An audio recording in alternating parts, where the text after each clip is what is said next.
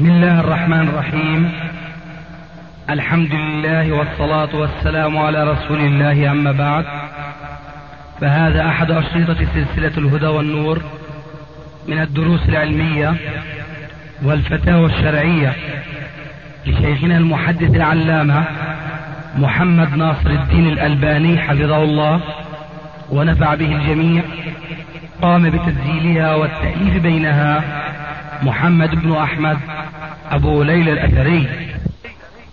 إخوة الإيمان والآن مع الشريط الأول بعد المئة التاسعة على واحد تحت عنوان المتجرئون على الفتية. تم تسجيل هذا المجلس في اليوم الثاني والعشرين من شوال 1419 هجري.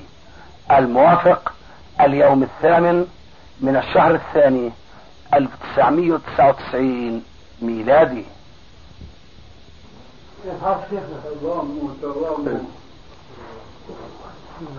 ولا تجعلوني أقول لكم ما لكم أيدين. ما بالكم أيدين.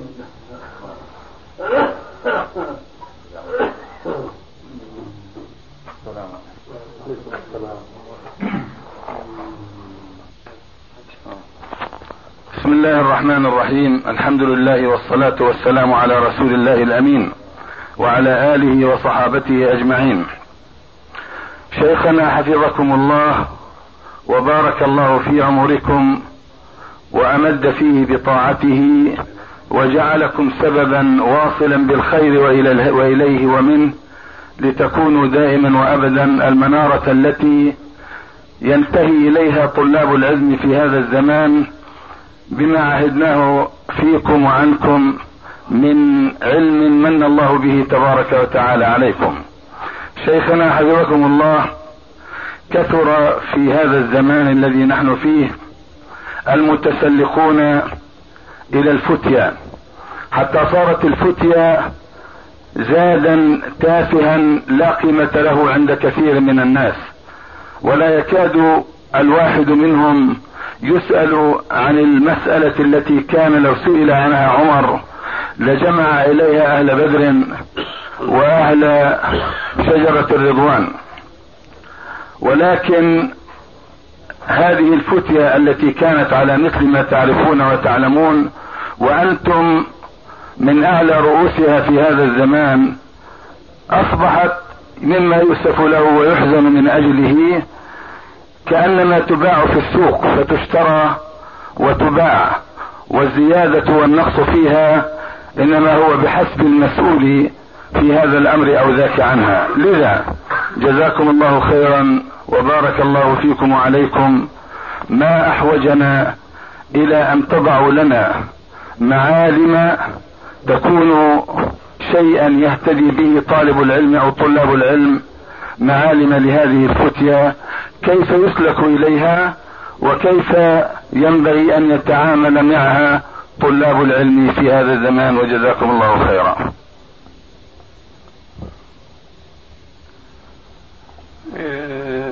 في اعتقادي أن مثل هذه مسألة آه، تكررت أكثر من مرة. وحق لها أن تتكرر.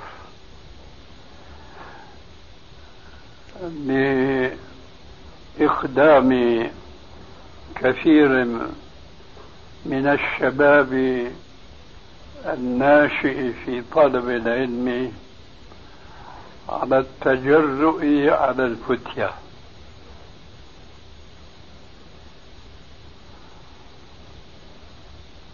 أنا كما تعلمون لا أحتج بما لم يثبت عن الرسول صلى الله عليه وآله وسلم. ولكني قد أستأنس ببعض الجمل التي رواها بعض الرواة خطأ ونسبها إلى النبي صلى الله عليه وآله وسلم سهوا.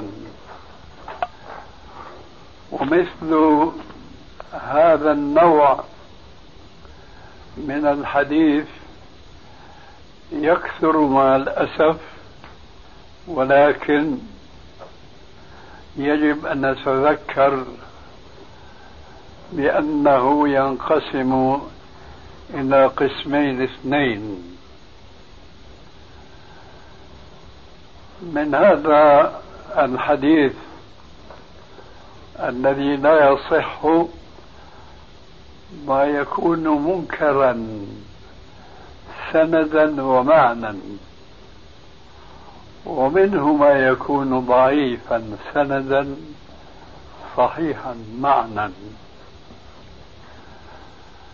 والمعنى يؤخذ من أدلة أخرى لكن ذلك مع ذلك لا يسوغ للعالم أن يجزم بصحة هذا النوع من الحديث النوع الثاني الذي ضعف سنده وصح معناه مع ذلك لا يجوز أن ينسب إلى النبي صلى الله عليه وآله وسلم.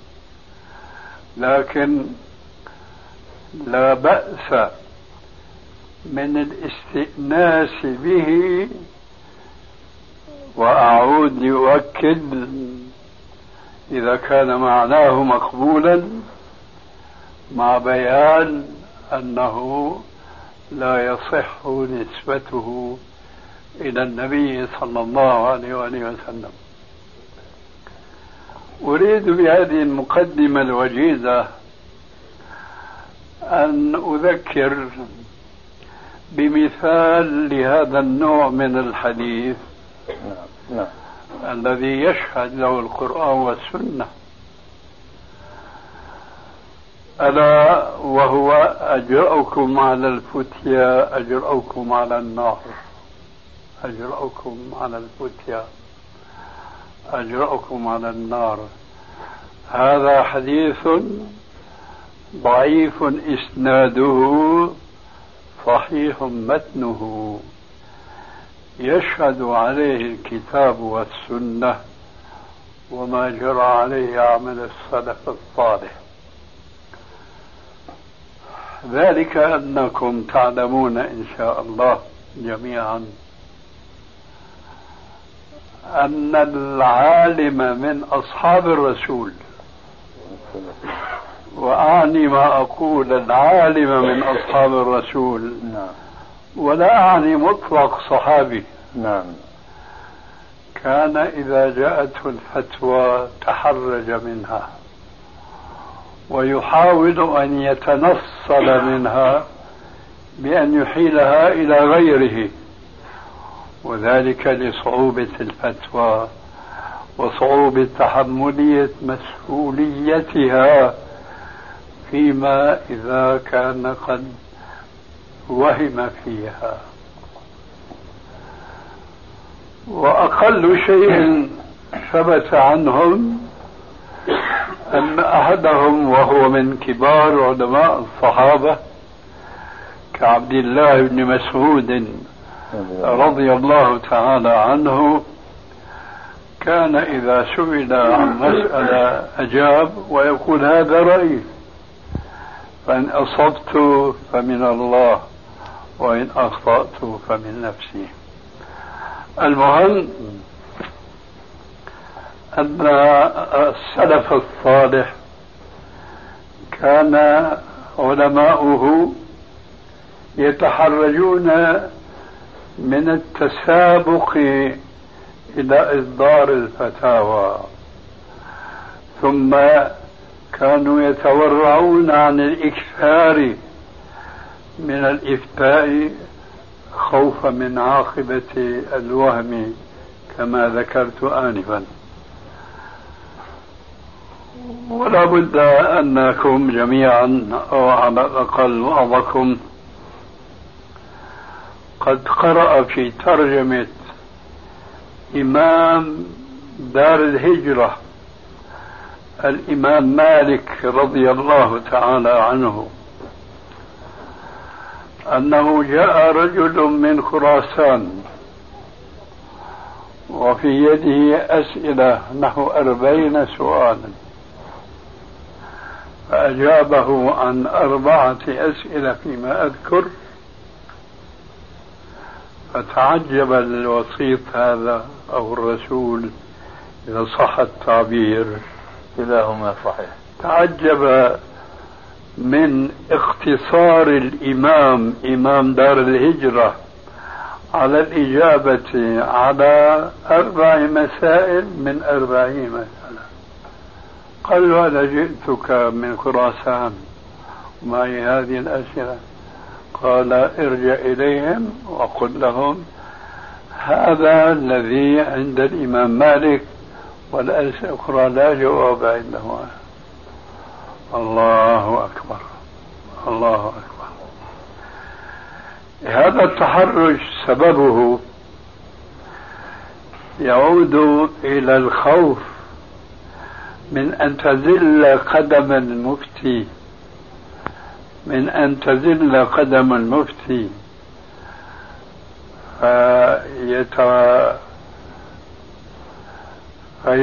فيلزم وراء ذلك أن يضل أن يضل بخطئه عشرات إن لم نقل مئات إن لم نقل الألوف. ويا سبحان الله. هم مع ذلك يعلمون حقا. قول الرسول عليه الصلاة والسلام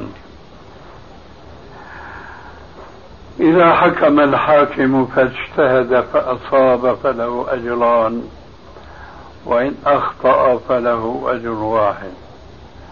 هم يعلمون أنهم لا يؤاخذون عند الله فيما إذا اجتهدوا وأخطأوا. مع ذلك يتورعون.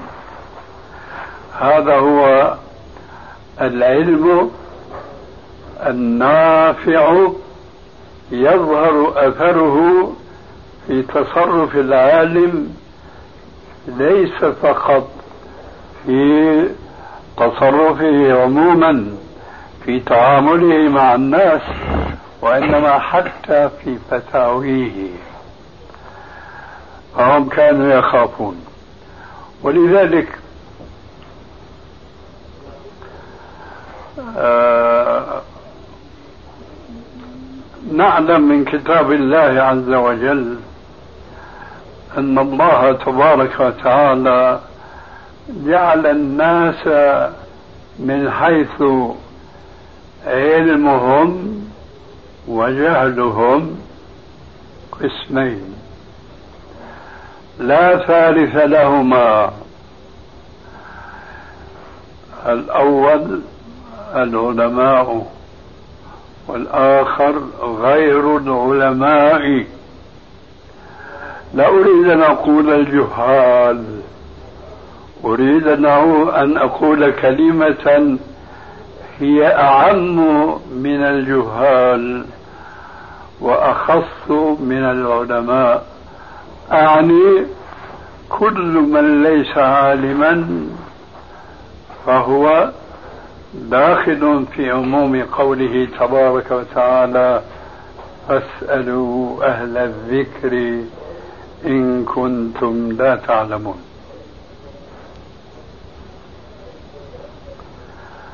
لا شك أن غير العلماء ينقسمون إلى قسمين. فيهم الأمي الذي لا يطلب العلم مطلقا وفيهم الطالب للعلم. وفيهم الطالب للعلم. لكن الطالب للعلم ليس عالما هو طالب علم. متى يصبح المرء عالما؟ أيضا يذكرون في ترجمة الإمام مالك رحمه الله ورضي عنه وعن أمثاله من أئمة المجتهدين أنه ما جلس للتدريس إلا بعد أن أذن له كذا وكذا من العلماء. أما اليوم فمع قلة العلماء نرى كثيرا من المبتدئين في طلب العلم يتجرؤون على الإفتاء دون أن يسألوا أهل العلم هل هو وصل إلى مرتبة الإفتاء هذه أم لا. إن كان لا يعلم الحقيقة التي ذكرتها آنفا استنباطا من قوله تبارك وتعالى فاسألوا أهل الذكر إن كنتم لا تعلمون. الأمر كما قيل التاريخ يعيد نفسه. لا أقول إن هذه الآفة التي عمت وطمت في هذا الزمان وانتشرت بين طلاب العلم هي غير معهودة سابقا. أقول آسفا هي معهودة سابقا لكن بصورة ضيقة وضيقة جدا. وكان ذلك من حكم الله وتقادير الله عز وجل الحكيمة اللطيفة لكي يأخذ الخلف درسا من السلف. أشير بهذا إلى حديث جابر المروي في سنن أبي داود رحمه الله. أن رجلا أصابته جراحات في بعض الغزوات. فأصبح وقد احتلم. وهو يعلم بأنه ما دام أنه قد احتلم فعليه الغسل. ولكن صعب عليه أن يغتسل وبدنه مصاب بجراحة. فسأل من حوله. قالوا له وهنا الشاهد. قالوا له لا بد لك من الغسل. فاغتسل فمات. فتوى جاهل. لم يبلغ مرتبة الإفتاء. مرتبة الأصحاب الكبار العلماء. فلما بلغ خبره النبي صلى الله عليه وآله وسلم قال قتلوه. قاتلهم الله. ألا سألوا حين جهلوا فإنما شفاء العين السؤال. إذا فاسألوا أهل الذكر إن كنتم لا تعلمون. كل من لم يصل إلى مرتبة العلماء ومرتبة العلماء هذه لا يمكن الوصول إليها كما يتوهم البعض ما بين عشية وضحاها ولا يمكن الوصول إليها ولو أنه عاش دهرا طويلا بين كتب محدودة وكتب مقيدة بفتاوى معينة. لا تسلك سبيل قوله تبارك وتعالى فإن تنازعتم في شيء فردوه إلى الله والرسول. إن كنتم تؤمنون بالله واليوم الآخر ذلك خير وأحسن تأويلا. لا يمكن أن يصل الطالب العلم إلى مرتبة العلماء إلا بوسيلتين اثنتين. إحداهما الآن متيسرة ومتوفرة والأخرى مع الأسف الشديد أقول إنها عزيزة نادرة. أما الوسيلة الأخرى في الرجوع إلى كتب أهل العلم. إلى كتب أهل العلم التي خلفوها لنا مع اختيار منها ما يسلك مؤلفوها مسلك المنهج الصحيح منهج الكتاب والسنة وعلى ما كان عليه السلف الصالح وليس فقط يسلك مذهبا معينا ويعرض عن الاستفادة من الكتب الأخرى التي إن لم تفقها علما وتحقيقا فهي لا تنزل عنها. هذه الوسيلة اليوم متيسرة وخاصة والمطابع في كل يوم تصدر لنا كتبا ما كنا نعدها من قبل لا مخطوطة ولا مطبوعة. وها هو المثال الآن بين أيديكم. وهو هذا الشيخ المزعوم الألباني. قد بلغ من الكبر عتيا ويجد نفسه أنه قد فاته من العلم شيئا كثيرا ولذلك فهو يعيد النظر فيما مضى من علمه حتى يستدرك ما قد يكون فاته من التحقيق العلمي بسبب ماذا؟ بسبب أنه لم يتيسر له لم يتيسر له الوسيلة الأخرى وهي العلماء المحققون الذين جمعوا من العلوم ما شاء الله.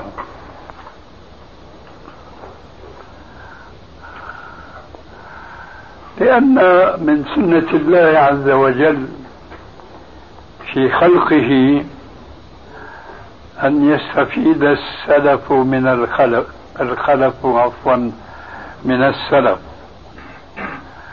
ويستفيد بعضهم من بعض. فإذا لم يتيسر لطالب العلم علماء من مختلفي الاختصاصات لم يبق له مرجع إلا أن يعود إلى هذه الكتب التي خلفوها لنا رحمهم الله تبارك وتعالى. كما قيل لنا جلساء لا نمل سماعهم مأمونون غيبا ومشهدا. لنا جلساء لا نمل سماعهم ميمونون مأمونون غيبا ومشهدا. إن قلت أحياء فما أنت بكاذب وإن قلت أموات فما أنت بمفند. فهذه الطريقة اليوم هي مع الأسف متيسرة فقط فقط هي المتيسرة لكن هذا يتطلب نوعا خاصا من طلاب العلم. اوتوا نشاطا وأوتوا فراغا وأوتوا حرصا وقبل كل ذلك أوتوا اخلاصا لوجه الله تبارك وتعالى مع المثابرة والدأب ومع الزمن الطويل. فهذا يجد نفسه أنه قد بلغ منزلة بإمكانه أن يؤلف وأن يفتي لا سيما وقد يضطر العلماء الذين تلقوا العلم بالطريقة الأولى أن يشهدوا لهذا الإنسان بأنه يحق له أن يفتي الناس فيما يرد إليه من فتاوى. لكن المشكلة كل المشكلة في هذا الزمان كما نقول في كثير من المناسبات هي فساد التربية وفساد الأخلاق. اليوم بلا شك لا يمكن أن ينكر أن هناك صحوة علمية لكن بدل أن يقترن مع الصحوة العلمية تربية أخلاقية على العكس من ذلك المستوى في التربية الأخلاقية انحط وأصبح كثير ممن ينتصبون للتدريس وللتعليم لا يمثلون أخلاق العلماء فضلا عن أن يمثل أخلاق العلماء الناشئون في طلب العلم المغرورون بالبضاعة المزجيات. التي حصلوها في زمن قليل. لذلك أنا أعظ أعظ إخواننا الناشئين في طلب العلم أن يدرسوا العلم لأنفسهم أن يدرسوا العلم لأنفسهم. وأن لا يستقلوا بفهمهم وأن يستعينوا على تحرير وتحقيق ما قد يحققون بزعمهم من مسائل بالعلماء الذين هم من المشهود لهم عند أهل العلم بأنهم من العلماء حقا. أنا أضرب لكم مثلا بنفسي.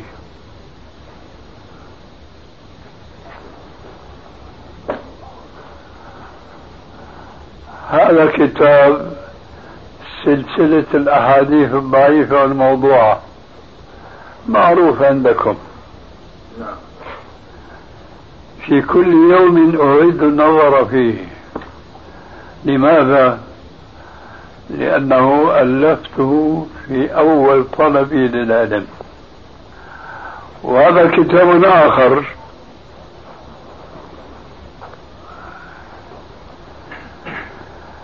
كتبت على غلافه لا يجوز طبعه. لأنه الجزء الأول. معلش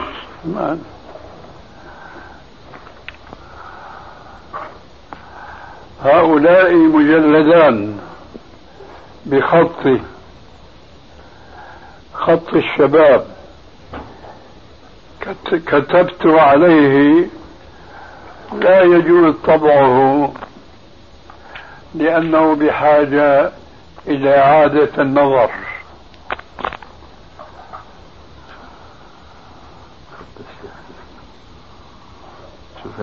ما شاء الله. كأنه مطبوع لا.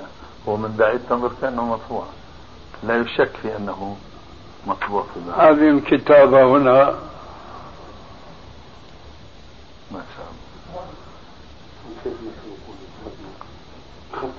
أعطينا الشيخ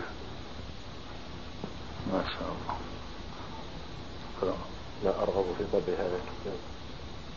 لأنه لأنه لا أراه أقرأ.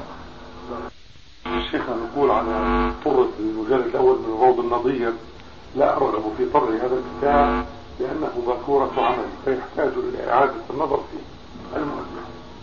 مع أنني أستفيد منه. ما شاء الله. أستفيد منه فائدة كبيرة. نعم نعم. متفرغ له ومتوسع في التخريج ومتأنق في الكتابة ما شاء الله. الآن خطي كما كنت سمعت من معلمي للخط في المدرسة الابتدائية خطي كخط البط في الشط. لا يكاد يقرأ تمام. تاريخ هذا الكتاب شيخ منتهي منه سنة تسع وخمسين وثلاثمائة وألف. يعني قبل ستين سنة.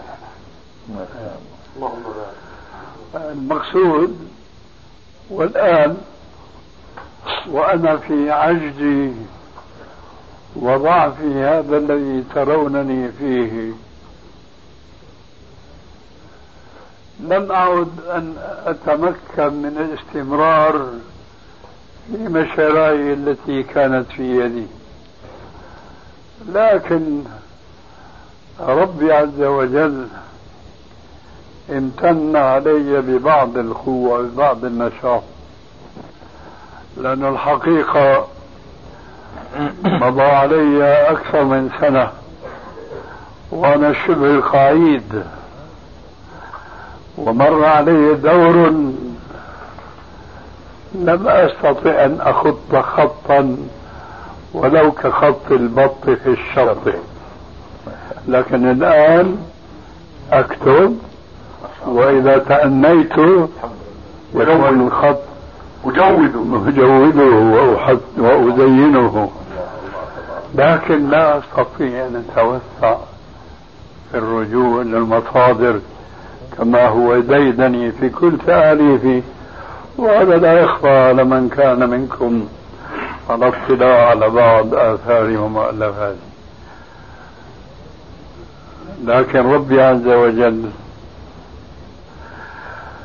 لا يحب لي البطالة ولو في حب ولو في حالة العجز والجلوس في مقعد قلما أغادره. فألهمني بما أشغل نفسي في حدود طاقتي. تفتق معي مشروع له علاقة بالبحث الذي أشرت إليه بصورة عامة. نعم. ألا وهو تهذيب تهذيب كتاب صحيح الجامع الصغير أنا أؤذب كتابي. لأن هذا الكتاب ألف أيضا من نحو أربعين سنة. وكانت المعلومات محدودة والمصادر محدودة. على الرغم أنني كنت أعيش في مكتب الظاهرية العامرة بالمخطوطات الأثرية والتي أعتقد أنني لعلي الفريد الذي فض بكارة هذه الكتب. لأني أذكر جيدا. كنت آخذ الكتاب وأفتح الورقة أسمع طقطقة. الله. إيش فيها؟ هذا من قدم التفاق الخيل اتفاق الحبر بالحبر. نعم نعم. ما حدا مسلم له؟ نعم. ملحوش في المكتبة. على الرغم من أني كنت محاط بمثل هذه الألوف من المصادر لكن فيما بعد وجدت نفسي أغرق في مطبوعات من مخطوطات لم أكن أسمع بها من قبل. إذا الأمر يتطلب إعادة النظر. غرضي من هذا وذاك كله أن أقدم لإخواني طلاب العلم درسا عمليا أنهم إذا وجدوا في أنفسهم طاقة للبحث والعلم والكتابة فليجعلوها لأنفسهم وليستعينوا بمن هو أعلم منهم بالعلم وأسن. ومن أقوال السلف الصالح ما يدلنا على أن الناس لا يزالون بعلم وبخير. ما أخذوا العلم عن الأكابر وليس عن الأصاغر.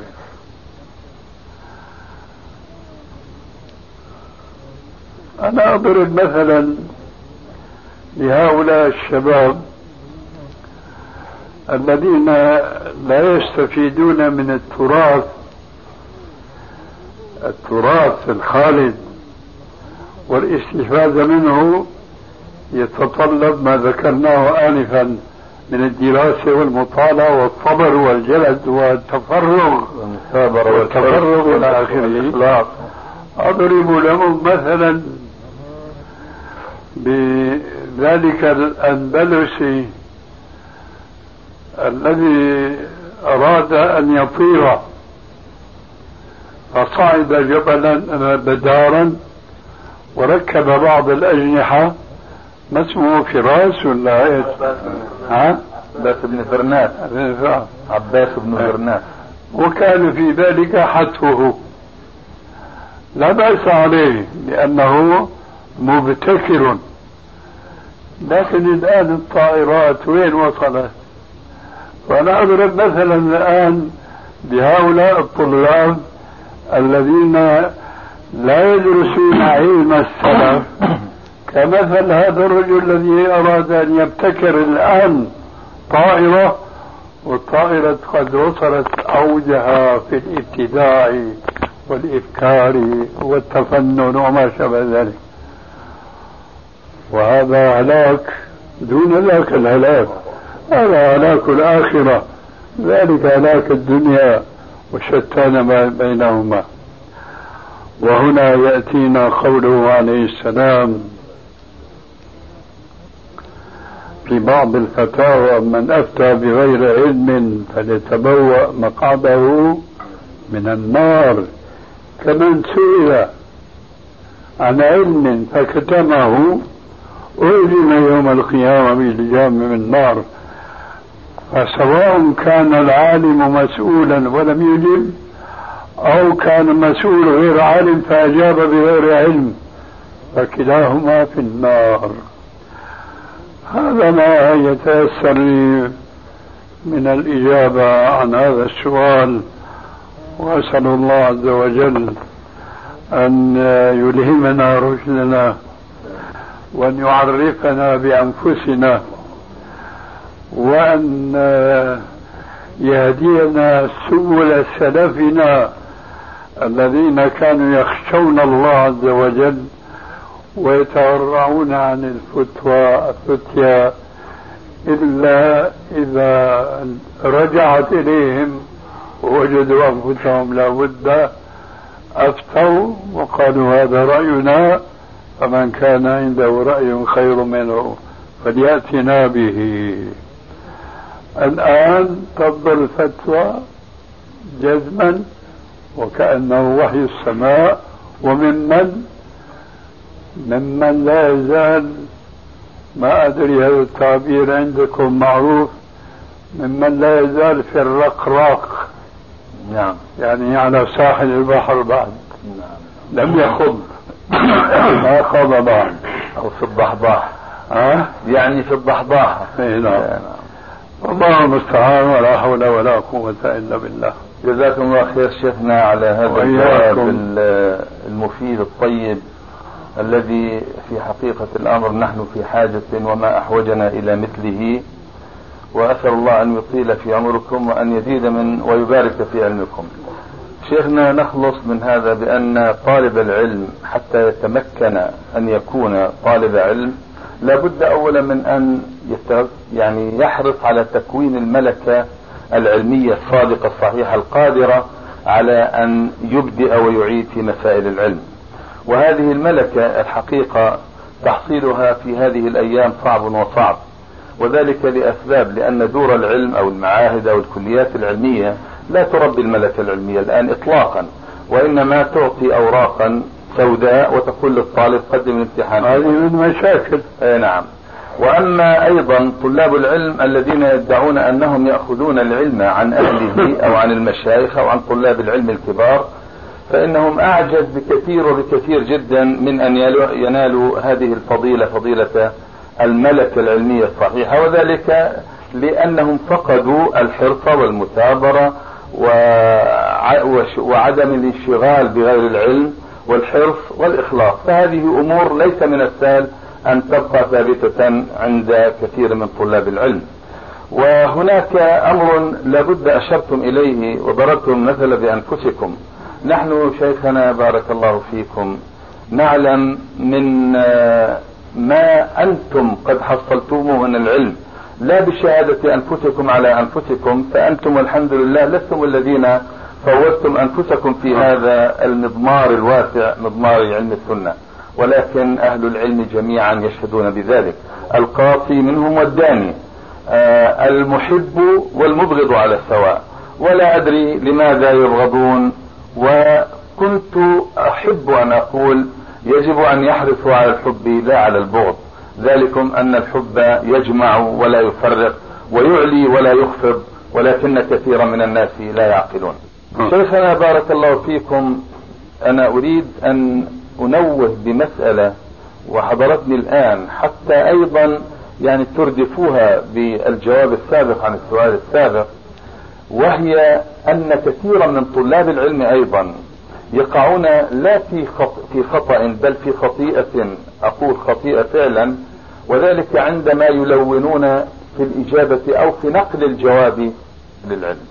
فتارة إذا ساغ لهم الأمر وطاب قالوا وامتدحوا وصوبوا الأمر وقالوه وأوردوه على ما كان.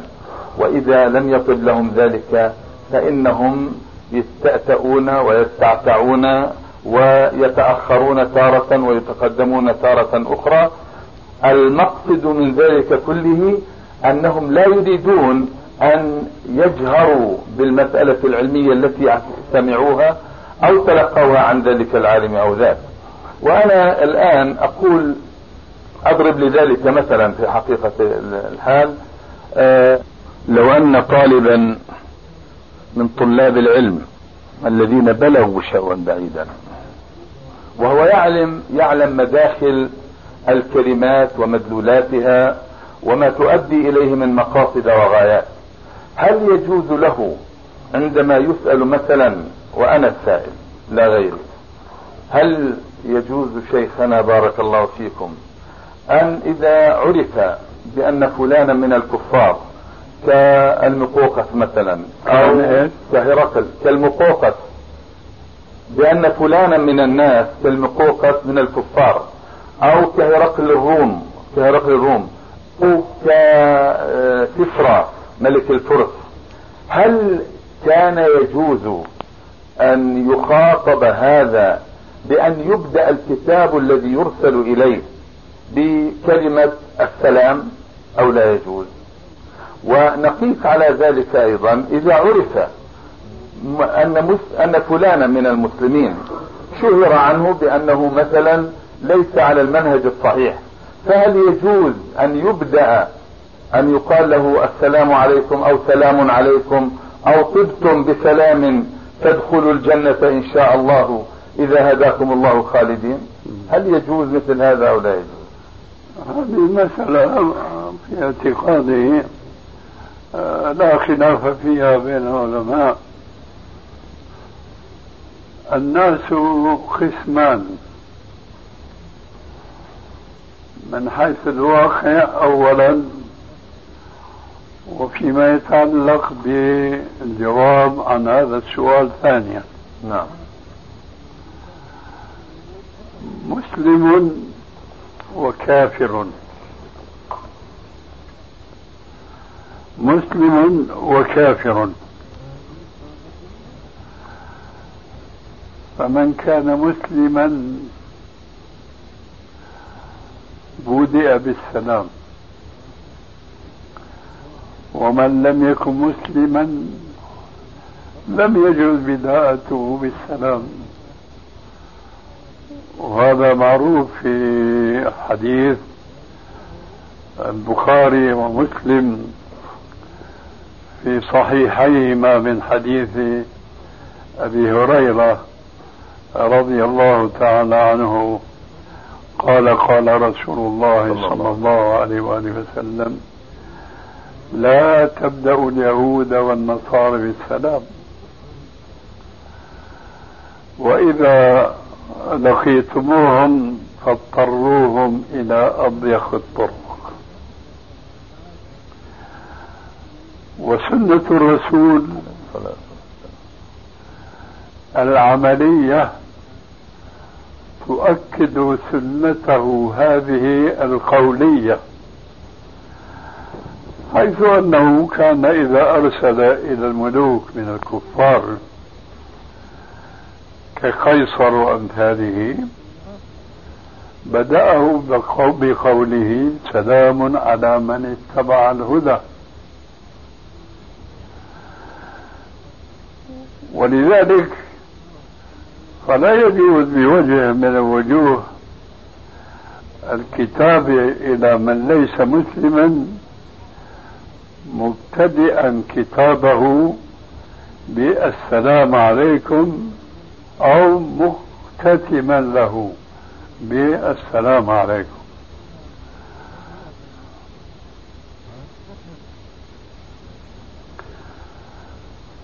والعلة في ذلك كما جاء في صحيح الأدب المفرد للبخاري من حديث عبد الله بن مسعود رضي الله تعالى عنهم السلام اسم من أسماء الله وضعه في الأرض فأفشوه بينكم.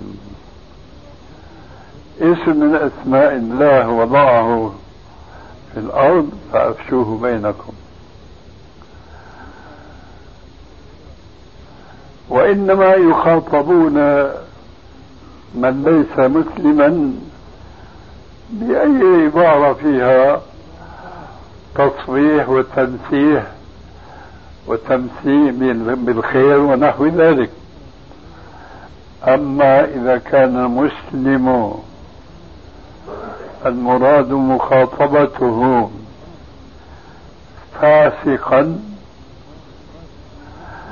فهنا مسألة اجتهادية هذا اعتقادي. تتعلق بمسألة المقاطعة.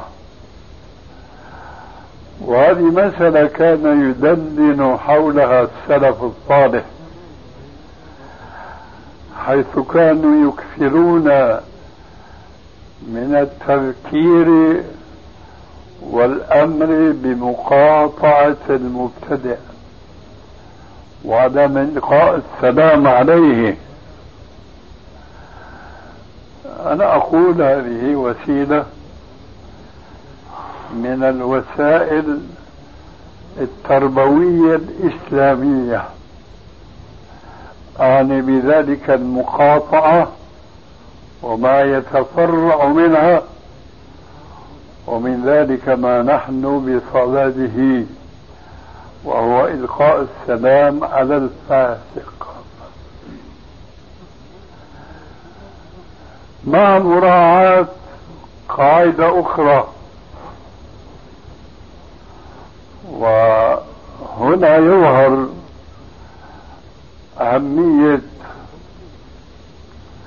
معرفة الشريعة بأصولها وقواعدها التي لا يهتم بها الناشئون في العلم ولا يعرفونها للسببين المذكورين آنفا. لا هم حصلوا العلم تلقيا عن أهل العلم مباشرة ولا مطالعة طويلة الأمد من كتب السلف الصالح.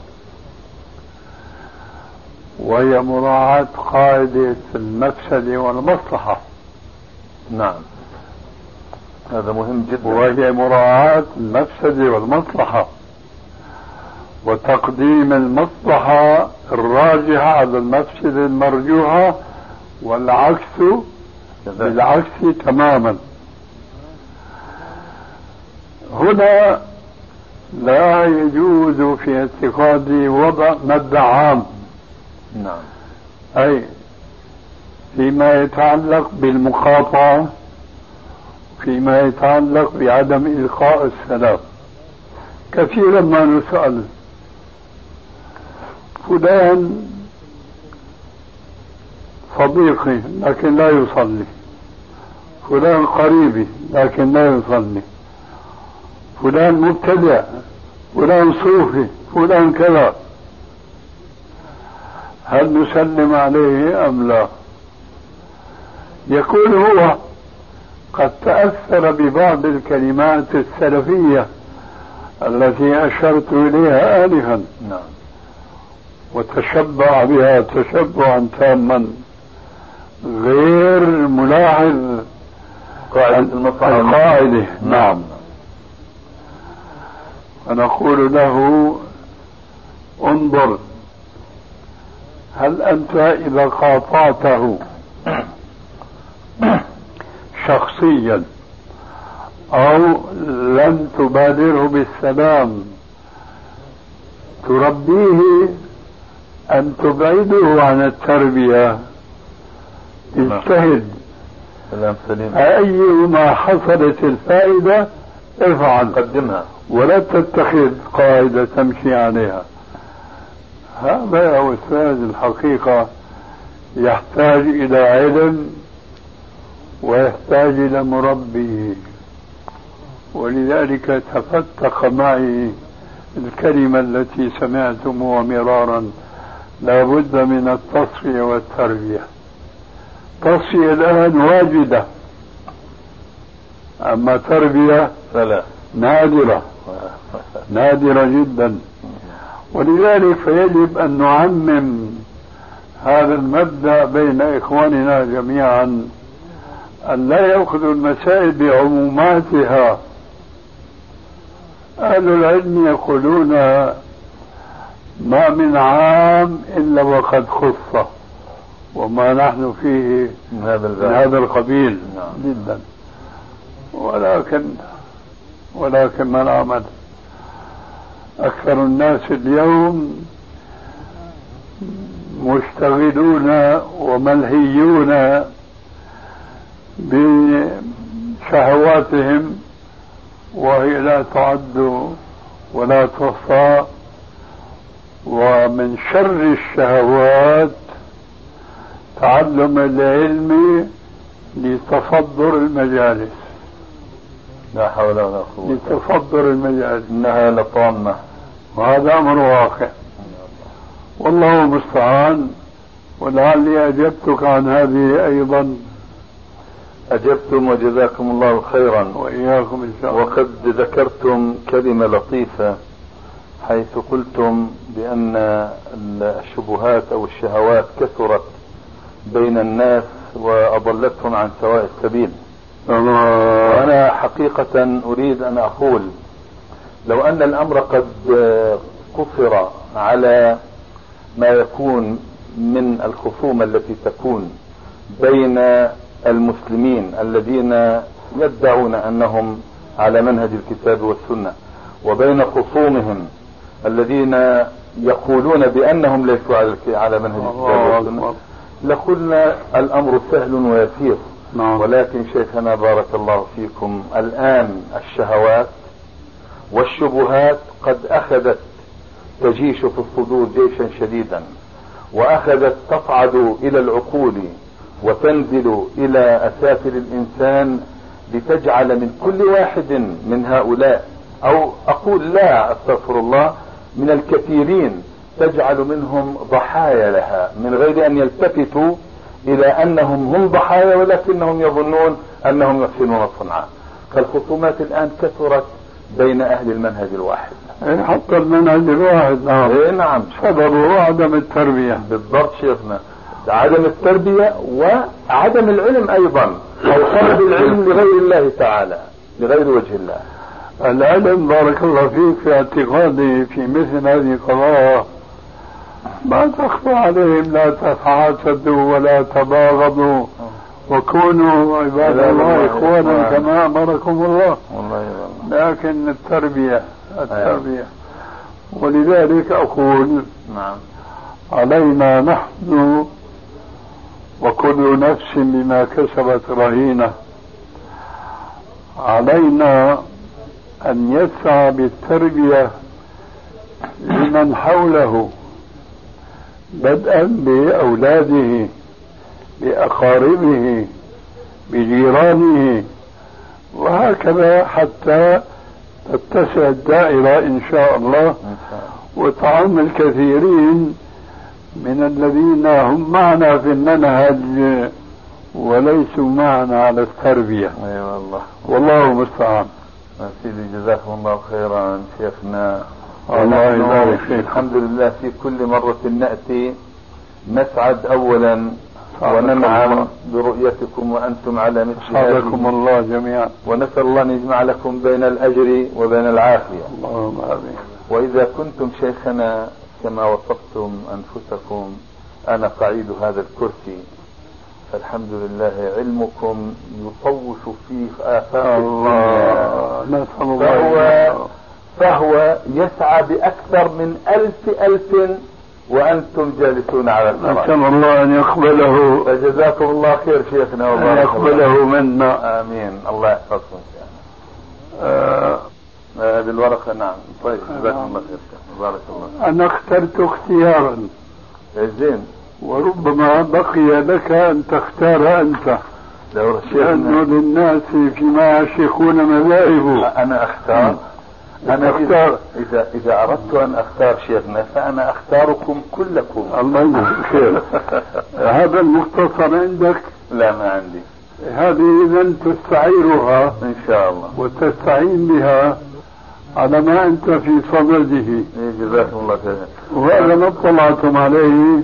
طيب جزاكم الله فيكم. وأبشرك يا شيخنا بأنه يعني أعددت ما يطيب لك أن تسمعه إن شاء الله. كيف؟ أعددت ما يطيب لك سماعه. جزاك الله خير. وما تقر به عينك. الله يبارك فيك. وما سيأتيك من خبره ما يثلج صدرك إن شاء الله. جزاك الله خير. شيخنا آه، أنا ابني في أسعدني وشرفني بأن أكون نائبا عنه في استلام الجائزة التي هي دون دون ما يستحق بكثير أي نعم. جزاك الله خير يا شيخ. يا الله الله يبارك فيك.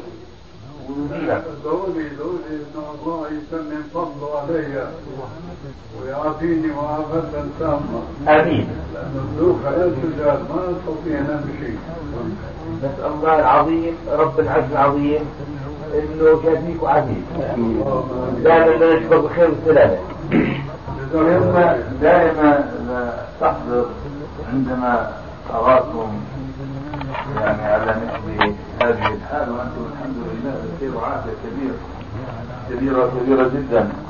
دائما أستحضر كلمة ذلك الرجل لعروة بن الزبير رضي الله تعالى عنه.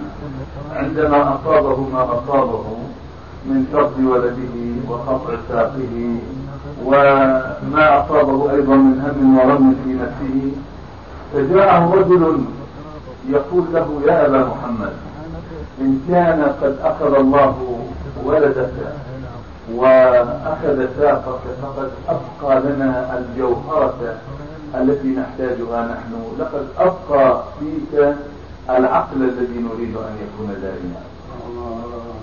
فشيخنا أنتم والحمد لله الله جملكم بالعافية والحمد وهذا العقل الذي ملأ سباق الأرض علما والحمد لله. أنا قلت لا أزال أقول مع الأسف الشديد. إن المغاث بأرضنا يستنفر يا شيخنا حاجة. هذه الحقيقة والله أنا أقولها من قلبي. لأنه الجو فارغ فاضي لا تنظرون إلي هذه النظرة. إذا كنت أنت تقول هذا الله أكبر. فماذا يقول غيره؟ ماذا يقول غيره؟ الله أكبر. الله أكبر. اللهم اغفر لي ما لا يعلمون جزاكم الله واجعلني خيرا مما يظنون. الله يبارك فيك. ولا تؤاخذني بما يقولون.